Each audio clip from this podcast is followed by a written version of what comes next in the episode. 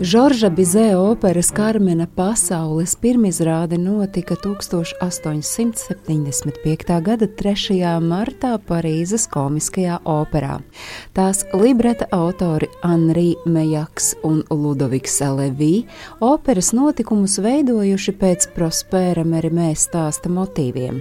Opera vēsta par naivu karēvi Donu Jose, kuru savaldzina ugunīgā čigāniete Karmena, par spīti tam, ka Jose Karmena Karmenas dēļ dezertē no armijas un pamet savu jaunības mīlestību, Karmena izvēlas citu, pievilcīgo toreadoru Eskamiljo, kas liek Jose Gresardības māktam nogalināt Karmenu. Žoržs Bizē operu rakstīja divus gadus, līdz pienāca brīdis, kad tā bija gatava satikties ar publiku.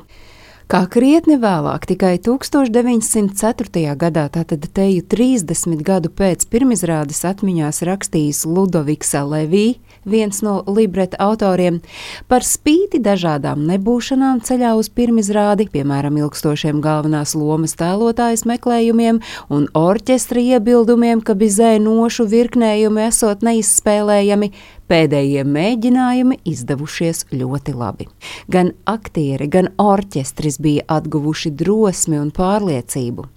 Uz ģenerālu mēģinājumu prese nav ielaista, bet bija uzaicināti ap 50 cilvēku, lielākoties autoru un izpildītāju draugi, kostīmu veidotāji, scenogrāfi un nevienam nešķita, ka opera varētu izgāzties. Savējie to uzņēmuši ļoti labi.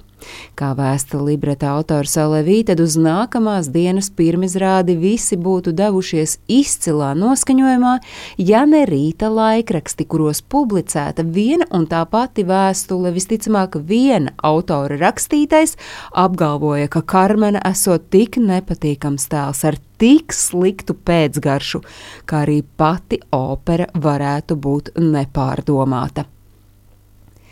Neraugoties uz šiem komentāriem, libreta autors apgalvo, ka uz pirmizrādi visi veidotāji tomēr ieradušies optimisma pilni, un operas sākums arī bija daudzsološs.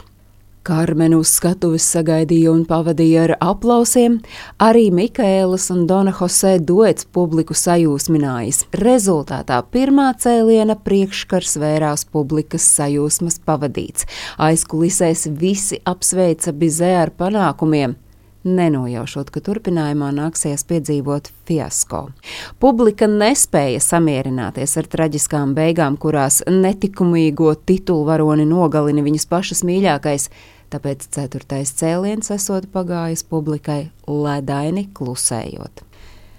Publikai un kritiķiem bija grūti pieņemt Karmenes dramaturgisko risinājumu, kas viņiem atgādināja opereti ar traģiskām beigām vai traģēdiju ar komisku sākumu. Patiesās atpazīšanas stunda nāca lēni, Pats Bizē savas operas triumfu nepiedzīvoja, jo viņa saulē devās trīs mēnešus pēc pirmizrādes.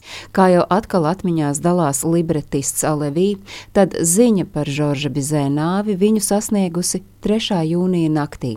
Komponists miris brīdī, kad 32. izrādē bija vēries priekškars. Tikmēr pēc 48. izrādes operas direktors atkāpās no amata un Karmena no Parīzes operas skatuves pazuda uz ilgiem laikiem. Savu reputāciju tā atguva iestudējumos ārpus Francijas - Vīnē, Briselē, Sanktpēterburgā, Londonā, Ņujorkā, Neapolē. Karmena strauji iekaroja publikas mīlestību. Starp citu, Latvijā Rīgā Bizē Karmenes pirmizrāde bija vien astoņus gadus pēc izgāšanās Parīzē. 1883. gadā to izrādīja Rīgas Vācu teātrī. Bet šobrīd Karmena ir trešā visbiežāk uzvestā opera pasaulē. Stāstīja Agnese Drunka.